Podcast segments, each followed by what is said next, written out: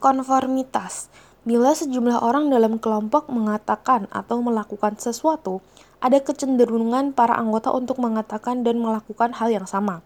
Jadi, kalau Anda merencanakan untuk menjadi ketua kelompok, aturlah rekan-rekan Anda untuk menyebar dalam kelompok. Dan ketika Anda meminta persetujuan anggota, usahakan rekan-rekan Anda secara berurutan menunjukkan persetujuan mereka. Timbulkanlah kesan seakan-akan anggota kelompok yang sudah setuju. Besar kemungkinan anggota-anggota berikutnya untuk setuju juga. Nah, menurut Kisler dan Kisler, konformitas adalah perubahan perilaku atau kepercayaan menuju atau norma kelompok sebagai akibat tekanan kelompok yang real atau yang dibayangkan. Dan penelitian paling tua tentang konformitas dilakukan oleh Murray.